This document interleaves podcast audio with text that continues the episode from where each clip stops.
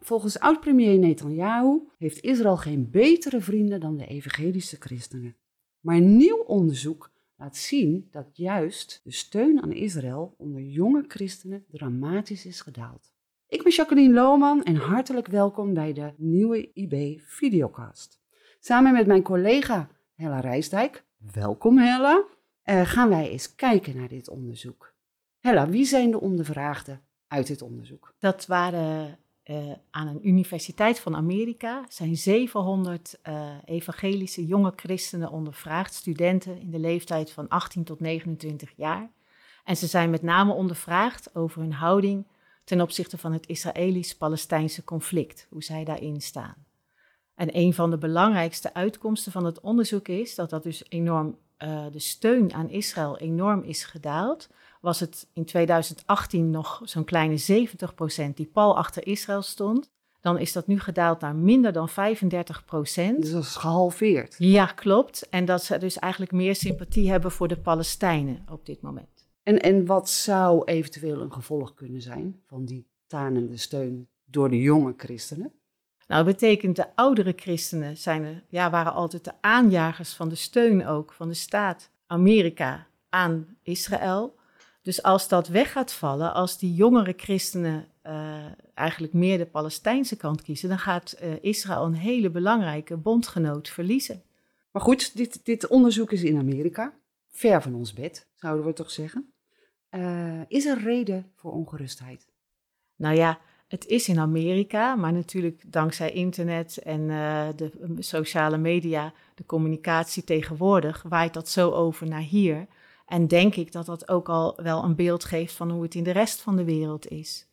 Merk jij ook al als je zeg maar, met gelovigen hier in Nederland spreekt over Israël, dat de Palestijnse kwestie ook naar voren komt? Ja, je hoort eigenlijk steeds meer toch wel van ja, maar zij worden ook onderdrukt en Israël doet ook niet alles goed en vat oppervlakkig beeld en eigenlijk heel weinig interesse eigenlijk merk ik daarin. Mensen maken zich ook bijna haast niet boos over wat er gebeurt of hooguit van ja, heel oppervlakkig. Dat hoe, hoe bedoel je niet boos van wat nou, als gebeurt? er dus uh, nou eigenlijk antisemitisme opleidt, als er valse beschuldigingen zijn, dan merkt, of eigenlijk het, het houdt ze helemaal niet bezig. Wordt de kennisgeving aangenomen en that's ja. it? Het is een van de nieuwsfeiten. Corona is belangrijker. Ja. Hey, laten we eens even kijken. Uh, en jij hebt ze daar op papier staan, want je ja. kan ze natuurlijk onmogelijk allemaal onthouden. Ja. Maar laten we eens naar wat opvallende cijfers gaan kijken uit dat onderzoek. En ja. nogmaals, het is dus een onderzoek onder jonge evangelische christenen tussen de 18 en 29 jaar in, in Amerika. Amerika. Ja, klopt. Nou, een paar van die cijfers, ik pak mijn blaadje er gewoon bij hoor. Er staat dat van de ondervraagden zegt ongeveer 34% dat ze democraat zijn en 25% republikein. Dat vind ik ook wel opvallend, want je zou zeggen, meestal zijn het de republikeinen die de christen-zionisten zijn. Dan is er nog wel een meerderheid van 58% die gelooft dat Gods verbond met het Joodse volk ook nu nog intact is.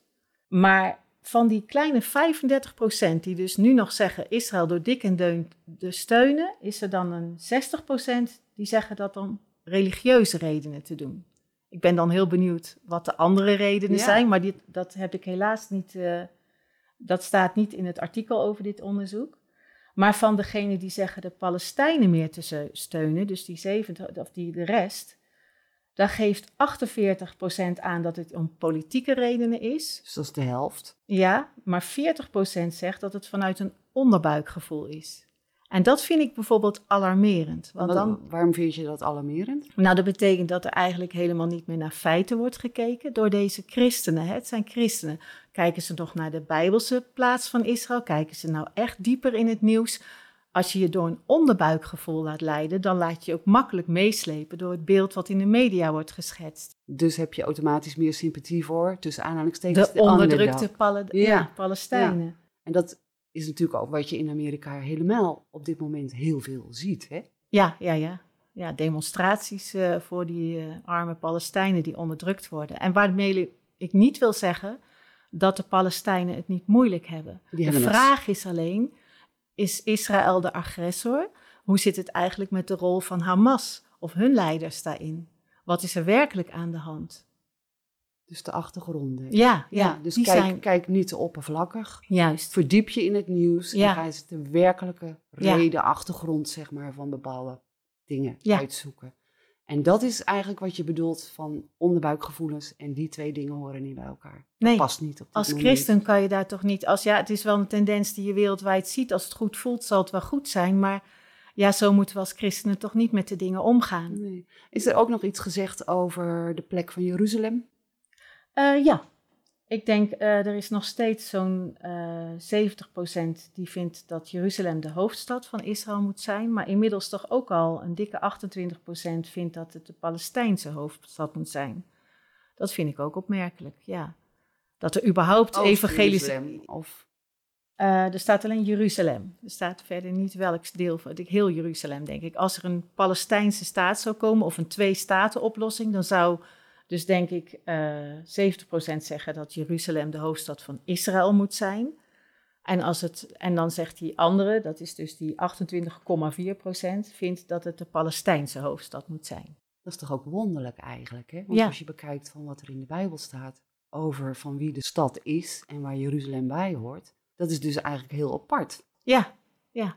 Maar dat is natuurlijk vanwege het feit, denk ik, dat onderbuikgevoel. Ja, ja, ja. Ja. En, en daar heb je natuurlijk ook, eh, komt de rol, denk ik, van social media, media in het algemeen, eh, behoorlijk om de hoek kijken. Inderdaad, de hele sfeer die er nu in Amerika is rondom, nou ja, minderheden, Ja, Black Lives Matters. ja.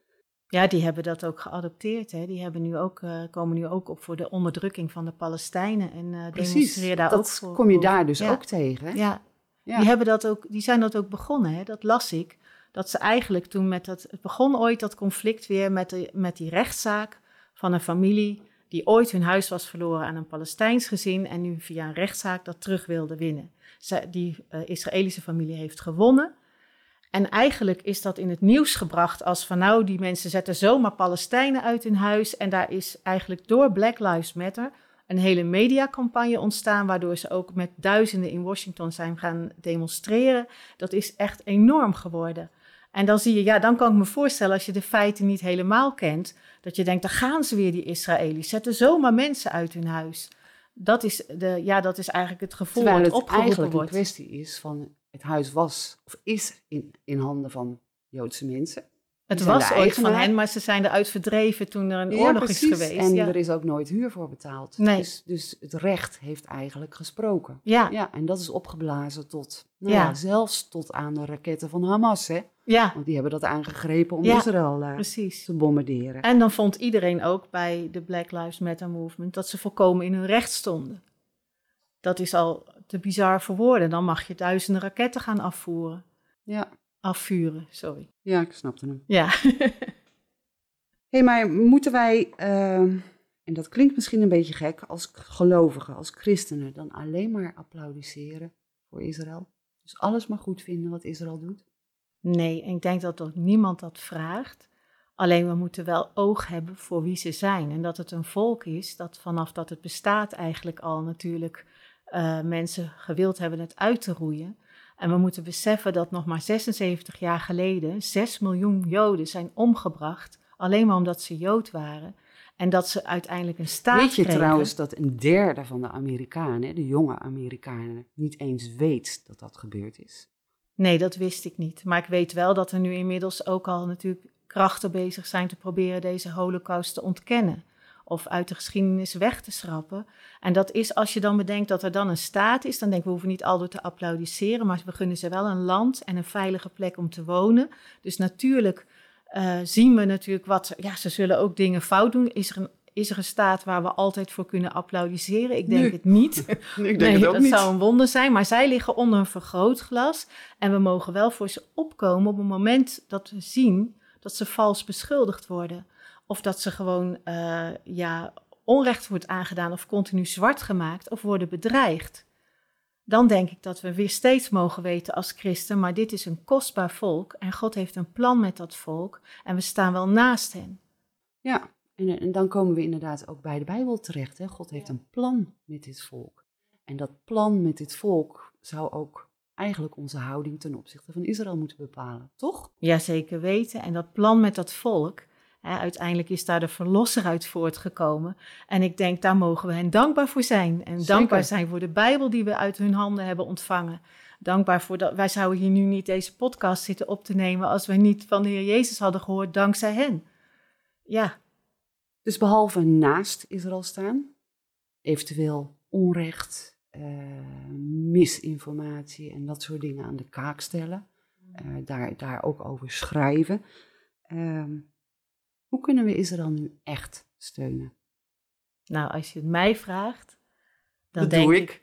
Ja, we hebben iets heel kostbaars ontvangen van hen, het woord van God, maar ook de Messias is uit hen voortgekomen. En als ik kijk in mijn eigen leven, wat de Heer Jezus daar gedaan heeft en hoe hij bitterheid kan genezen, hoe hij haat kan omzetten in liefde, hoe hij werkelijk kan verlossen en vrede geven, dan denk ik nou het mooiste wat ik hun wil geven is dat zij hem leren kennen, die in de eerste plaats voor hun is gekomen. En dat is ook zijn grote wens. Hè? Ja, dat weet ik, ja. maar ook naar mijn hart. Dan denk ik, ik zou ze het leven gunnen en de vrede en de liefde van God. En dan voor de Jood en ook voor de Palestijnen. Als zij echt die liefde leren kennen en Hem leren kennen en Hij in hun leven zijn werk mag doen, dan komt er vrede. Want dat zie je ook in Israël. Gelukkig zie je van die initiatieven. Ik las over First Fruits, bedrijven die tussen Israëli's en Palestijnen die samen dingen beginnen.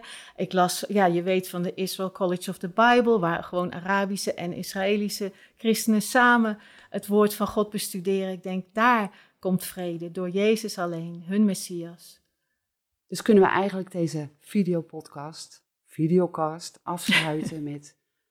Het is van het aller, aller, allergrootste belang dat het evangelie verkondigd wordt in Israël en dat de Bijbel verspreid wordt. Zeker weten. Ja, En dat we moeten bidden voor het Joodse volk. altijd. En ook voor het Palestijnse volk. Zeker weten, want de Bijbel roept ons niet op om hen te haten, maar juist ook lief te hebben. Ook zij hebben het nodig, want zij worden vergiftigd door allerlei leugens en de waarheid maakt vrij. Daar gaan we mee afsluiten. Dankjewel, Ella. Graag gedaan, Jacques. Enorm bedankt voor het kijken en luisteren naar deze videocast. Tot snel en vooral shalom.